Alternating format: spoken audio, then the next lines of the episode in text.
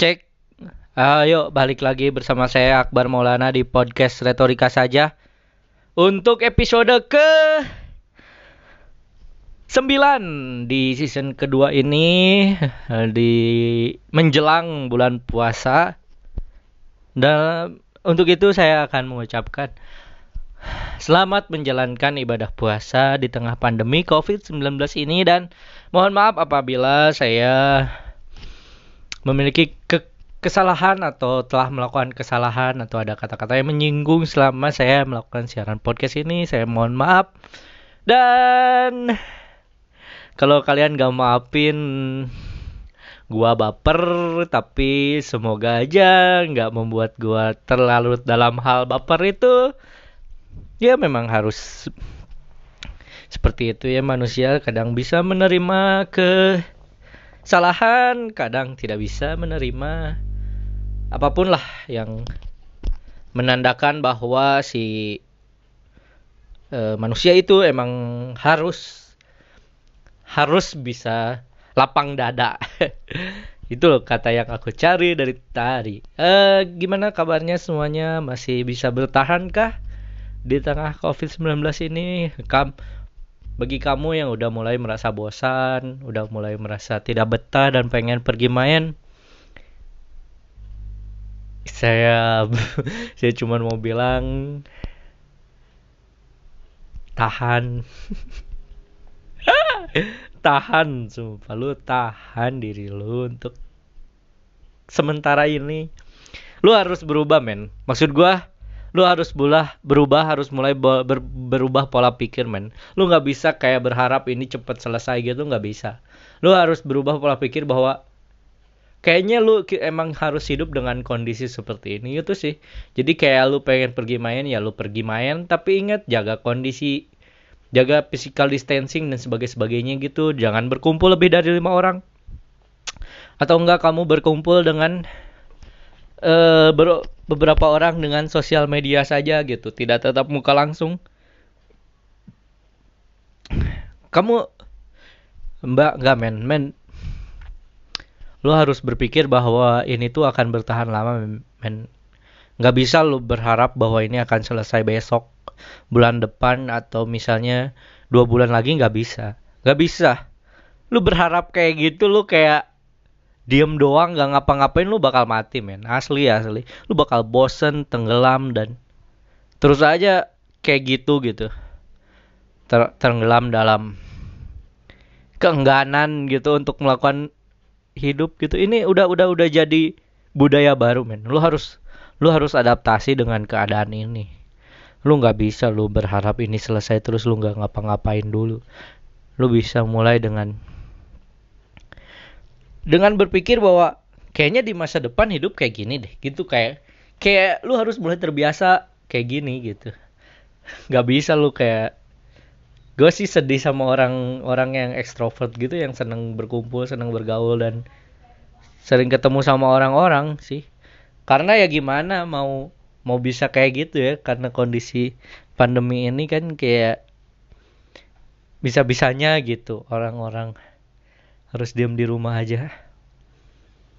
Banyak banyak energi yang nggak bisa dikeluarin dan akhirnya cuma bisa diam di rumah. Udah nggak apa-apa. Lu harus mulai berpikir bahwa ini tuh akan bertahan selama empat bulan ya kenapa? Karena di Cina aja ya di asal negaranya ini udah empat bulan dan masih belum selesai gitu. Kita nih baru mulai sebulan dua bulanan dan menurut lu kita bisa gitu? Kayak nggak bisa amung maksud gue emang kita bisa gitu? Nggak kayak Cina yang bisa sampai bertahan empat bulan lu pikir sendiri Indonesia sama Cina lebih bagus mana negaranya? Gua nggak bisa mengatakan bahwa Indonesia nggak apa lebih buruk dari Cina karena ini negara gue sendiri. Gue cinta sama Indonesia. Dan gue sayang sama Indonesia. Gue berharap pemerintah bisa mengatasi itu. Tapi mari kita berpikir realistis. Mari kita berpikir realistis. Bagaimana mungkin suatu negara bisa berpikir secara realistis dengan kondisi yang ada gitu ya udah lu terima kenyataan itu dengan realis realistis aja. Kecuali ada keajaiban dari uh, keajaiban yang radikal gitu dari dari kondisi negara gitu. Gue nggak gue nggak ngerti sih apa yang bakal terjadi. Gue nggak bisa sih nggak bisa. Gue kebayang gitu kayak misalnya kayak candi Borobudur kayak dibikin oleh Roro Conggrang terus ada ternyata rumah sakit bisa dibikin dalam satu malam gitu. Tenaga medis bisa dicetak dalam ribuan orang dalam satu hari. Keren gitu kayak eh, gak kan gak mungkin gitu. Gak bisa gak bisa se, se sekonspiratif itu. Hidup hidup ini hidup ini harus berdasarkan harus berdasarkan realistis realis realis realitanya gitu. Lu nggak bisa berharap tiba-tiba dokter dan perawat tambah banyak gitu. Ya kapasitas dokter dan perawat segini kapasitas tidur buat rumah sakit segini covid-19 segini untuk penanganan tes segini. Ya udah segitu aja realis, reali, realitanya. Nggak bisa kita berharap kayak tiba-tiba langsung berat gitu dalam satu hari nambah dokter selima ribu orang gitu. Kecuali pada masa kelulusan ya tapi maksud gue nggak mungkin tiba-tiba dari SD udah bisa jadi dokter di bagian yang ngurusin COVID-19 dong. Gak bisa gitu dong. Ngerti gak sih? Udah. Udah kita harus berpikir realita bahwa ini tuh harus bertahan lebih dari 4 bulan. Udah. Kita harus terima itu, men. Kita harus terima itu. Dan kita harus menjalani itu dengan dengan dengan dengan keadaan yang seperti ini. Terus bagaimana kita bisa berubah? Uh, maksudnya, terus bagaimana kita bisa bertahan dalam uh, pandemi COVID-19 ini? Yang pertama kita harus berpikir bahwa we with apa kita bersama dengannya gitu. Kita bersama dengan pandemi ini dan bagaimana kita bisa mencegah ini agar tidak terjangkit kepada kita ya ikutin hidup sehat gitu loh. Lu nyari uang apa pun pekerjaan lu tapi protokol-protokol kesehatan lu harus terapi dengan sangat baik dan ini tuh harus dengan konsentrasi tinggi gitu. Karena kenapa? Karena kebayang gue misalnya ada orang ada orang berpikir bahwa dan gue aja masih berpikir bahwa gue tidak tidak tidak bisa 100% bersih gitu. Dari kemungkinan kena apa? Kemungkinan dari kena gitu. Kalau gue berpikir nih dalam satu hari aja lu pernah nggak berpikir naruh apa? Naruh helm lu naruh helm. Lu datang nih ke suatu daerah. Da daerah itu ada disinfektan. Oke okay, lu merasa udah cuci tangan. Oke okay. lu udah cuci tangan nih udah siap mau makan. Oke okay. tapi kemudian lu megang helm. Mungkin helm lu masih di kepala. Di ada videonya gue pernah lihat gitu. Ada orang lagi pakai helm. Oke okay, pakai helm. Dia mau makan nih. Mau makan dia cuci tangan dulu tapi dia nggak nggak lupa nggak nggak lepas helm. Oke setelah dia cuci tangan dia buka helm. Baru dia makan.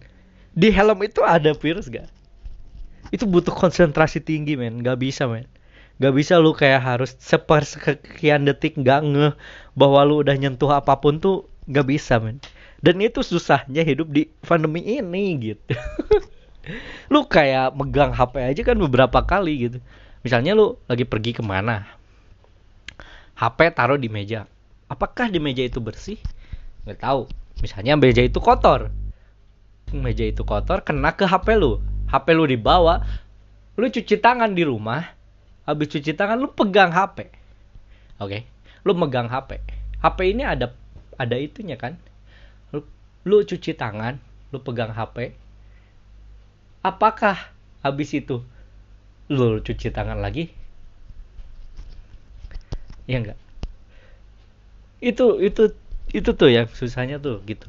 Jadi gimana gitu? Nggak ngerti gua. Ya harus harus punya konsentrasi penuh gitu. Hindarin hindarin megang segitiga wajah mata hidung mulut gitu. Segitiga wajah.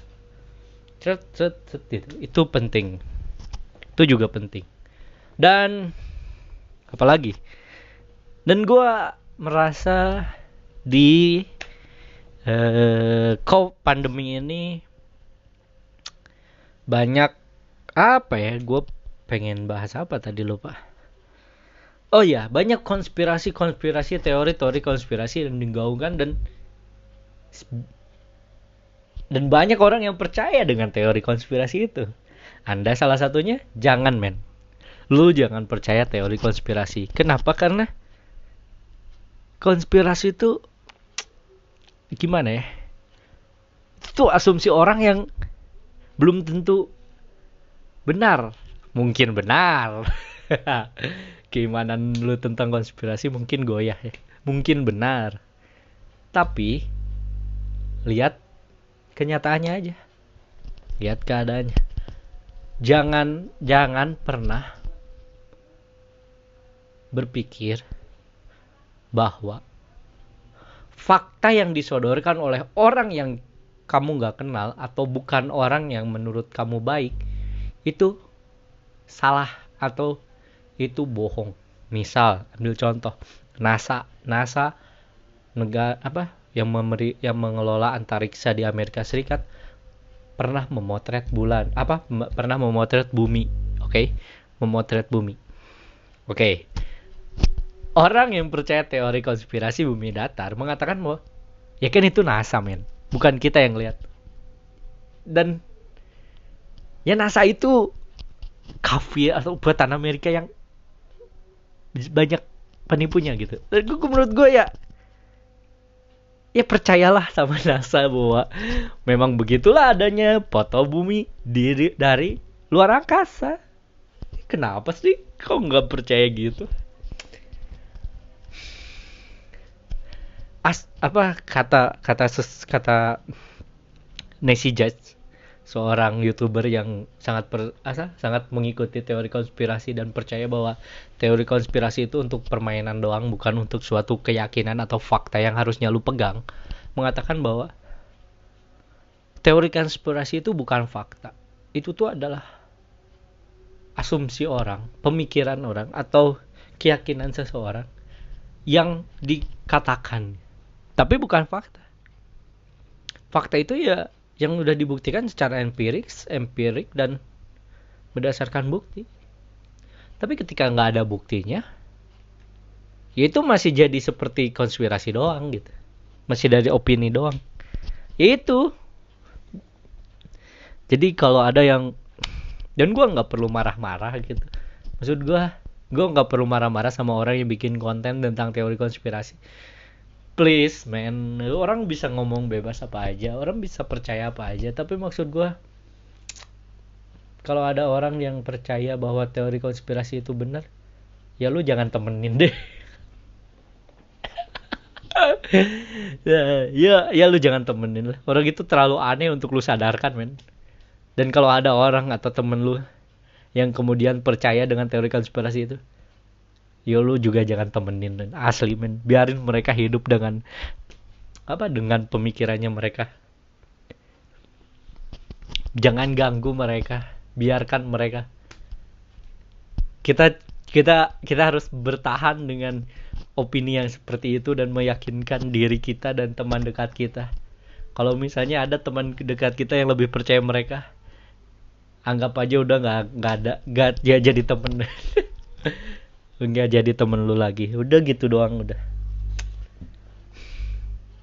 Udah gitu doang. Iya udah gitu doang. Itu. Ya ya gimana? Masa nyuruh orang buat berhenti bahas konspirasi? Konspirasi itu menarik bagi orang yang suka konspirasi. Dan bagi orang yang tidak suka konspirasi dan menganggap konspirasi itu cuman hanya permainan dan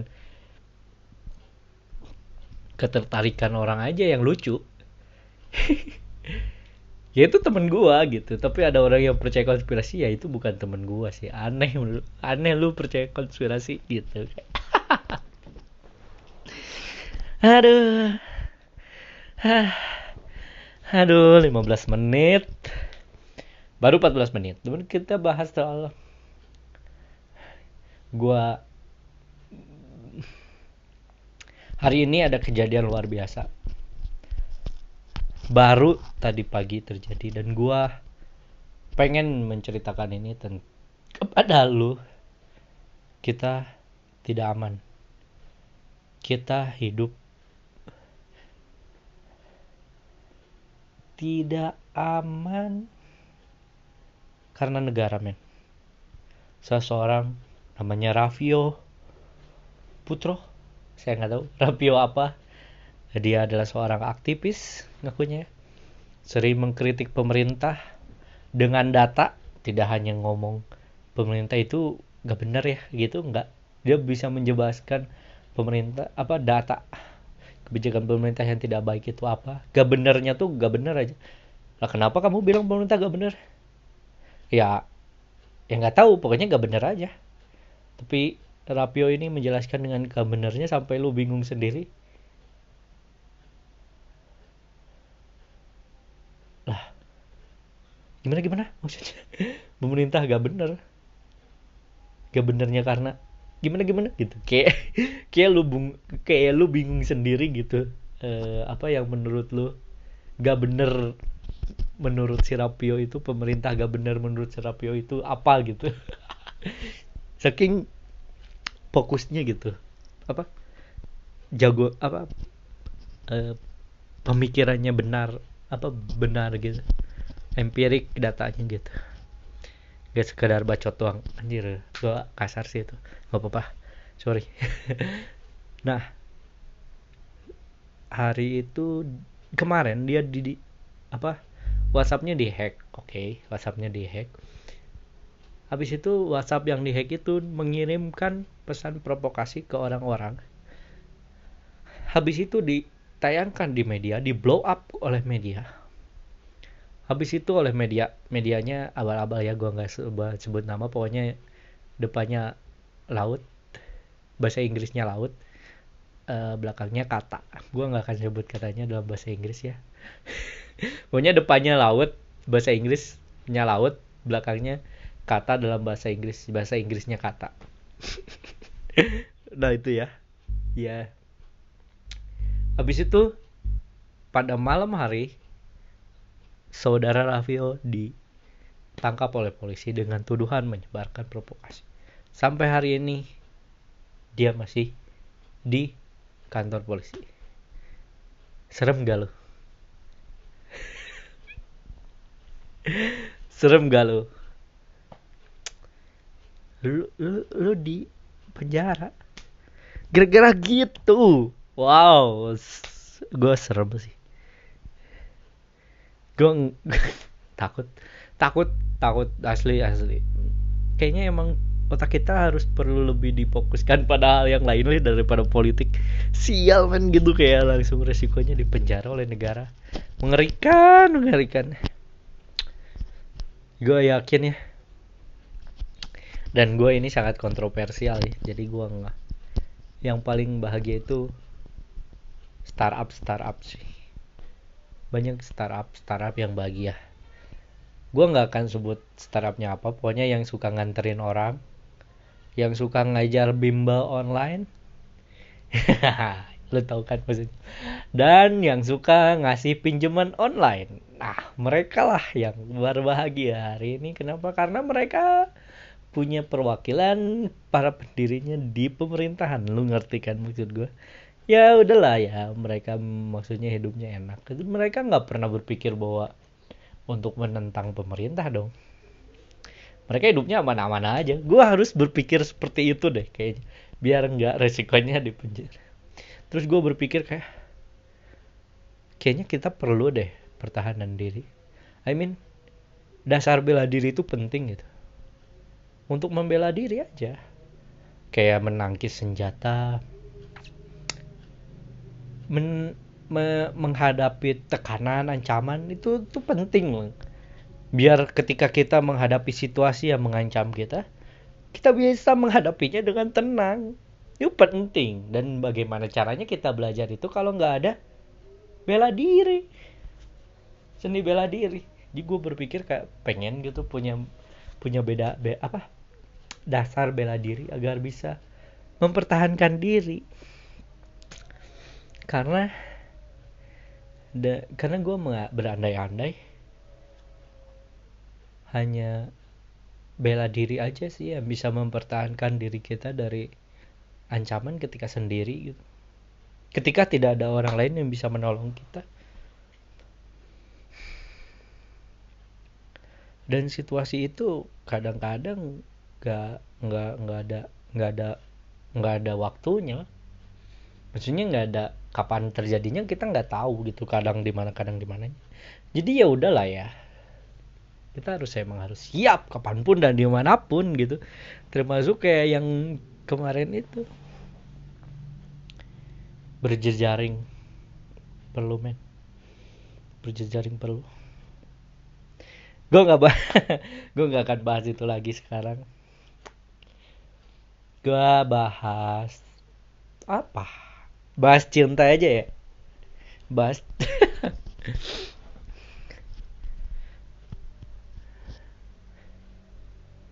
Jadi gini suatu hari gua baru masuk sekolah. SD apa? Bukan SD uh, SMP baru masuk SMP tapi dari zaman SMP gitu kita belajar bahwa di SMP apa pun bisa terjadi gitu.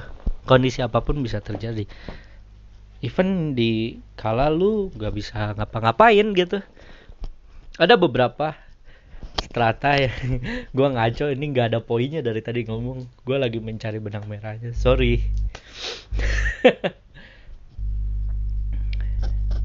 Tapi gue bingung mau bahas apa.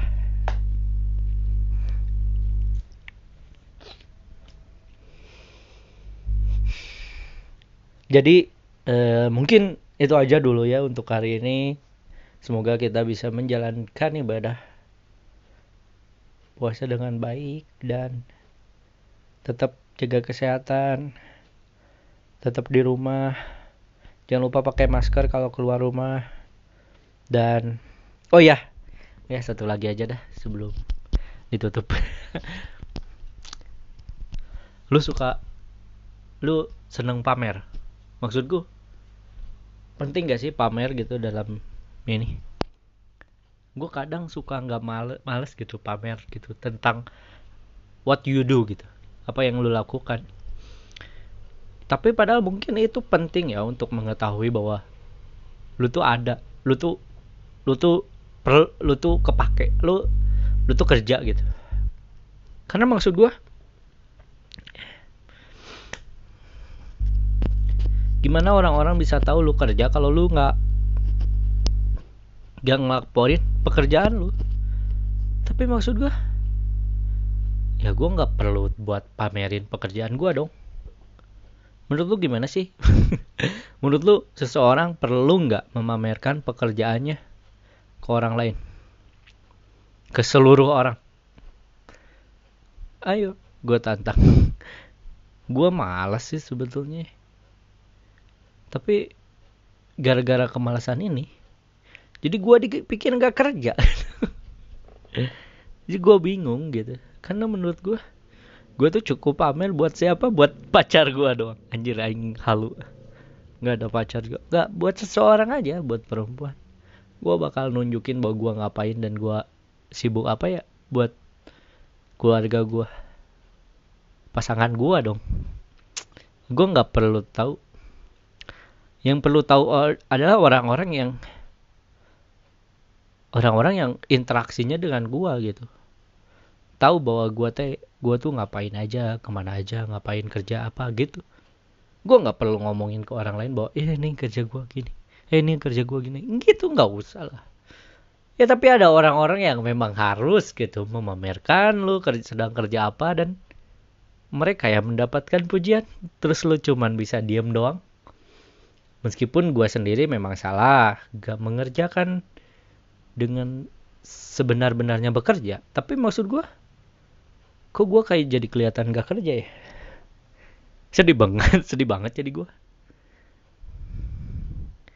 jadi menurut lo kita perlu pamer nggak?